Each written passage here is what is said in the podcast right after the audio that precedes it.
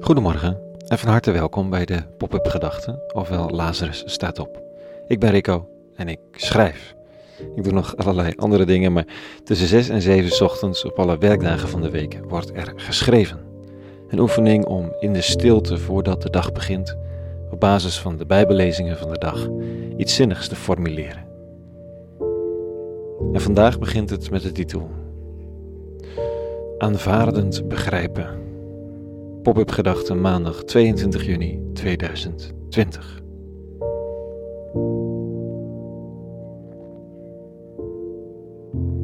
Als je maar diep genoeg in jezelf afdaalt, als je maar het lef hebt om je oordeel, je onbegrip, je weerzin uit te stellen, dan kun je altijd iedereen aanvaardend begrijpen.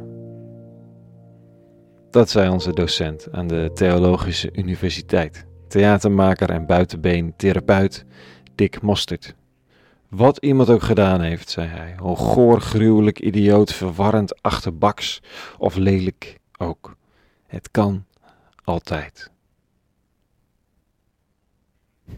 We hadden er een beetje moeite mee. Kon dat echt?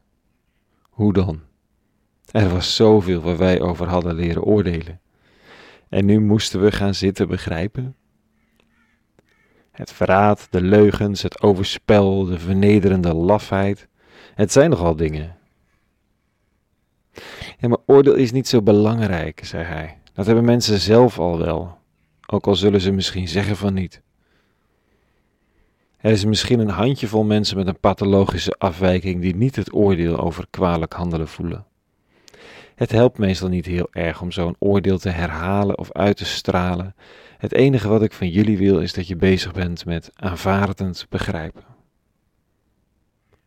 En in tweetallen werd er geoefend, iets gênants op biechten. Ik weet niet meer of het gefingeerde of echte verhalen moesten zijn. Het was in elk geval de taak van de ander om te luisteren. Niet voorbij gaan aan je gevoelens, maar luisteren.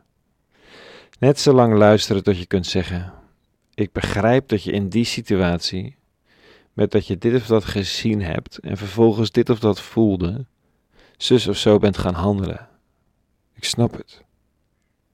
Ik snap dat je met die kennis, die gedachten, die emoties tot die handeling gekomen bent. Ik begrijp je. Waarom is het zo moeilijk soms? Nee, omdat het veel fijner is om je te distancieren van die ander en te zeggen: nou, Zo ben ik niet. Met dat je begrijpt, aanvaard je dat de dingen op een bepaalde manier zo kunnen lopen. En, en met dat je het begrijpt, zonder het goed te keuren, overigens, dat is heel wat anders. Met dat je het begrijpt, ben je zomaar zelf ook deel van het probleem. Want als je het kunt begrijpen, zou je hetzelfde dus ook hebben kunnen doen. Het was onze taak om als aankomende dominees te beseffen dat de meester maar net een beetje een andere omstandigheid, een andere thuissituatie, een ander moment nodig is om je in staat te stellen dingen te doen waarvan je je niet kon voorstellen dat je ze zou doen. Kijk, oordeel is eenvoudig. Oordeel hangt al in de lucht. De kunst is begrijpen, durven afdalen. Zonder goed te keuren, zonder af te keuren. Stel dat maar even uit en begrijp. Is een van de meest waardevolle lessen geweest. En mijn zin is volledig in het spoor van de rabbi van Nazareth. Die zegt namelijk vanochtend: Oordeel niet, opdat je niet geoordeeld wordt. Want met het oordeel dat je velt, zul je geoordeeld worden. En de maat die jij gebruikt, die gaat men ook voor jou gebruiken. Waarom kijk je naar de splinter in het oog van je, van je, broer, van je broer of zus en merk je de balken niet op in je eigen oog? Of kun je tot uw broer of zus zeggen: Laat mij de splinter uit uw oog halen? En zie, in uw eigen oog zit de balk nog, huigelaar.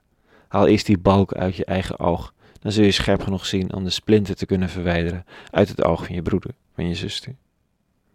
Haal eerst het bord voor je kop weg, voordat je besluit om je te bemoeien met die stekende splinter in het oog van een ander.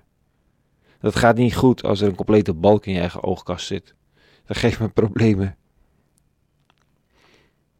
Zijn het vaak degene met een bord voor een kop of een balk in de oogkas die zich bemoeien met de splinter in het oog van de ander?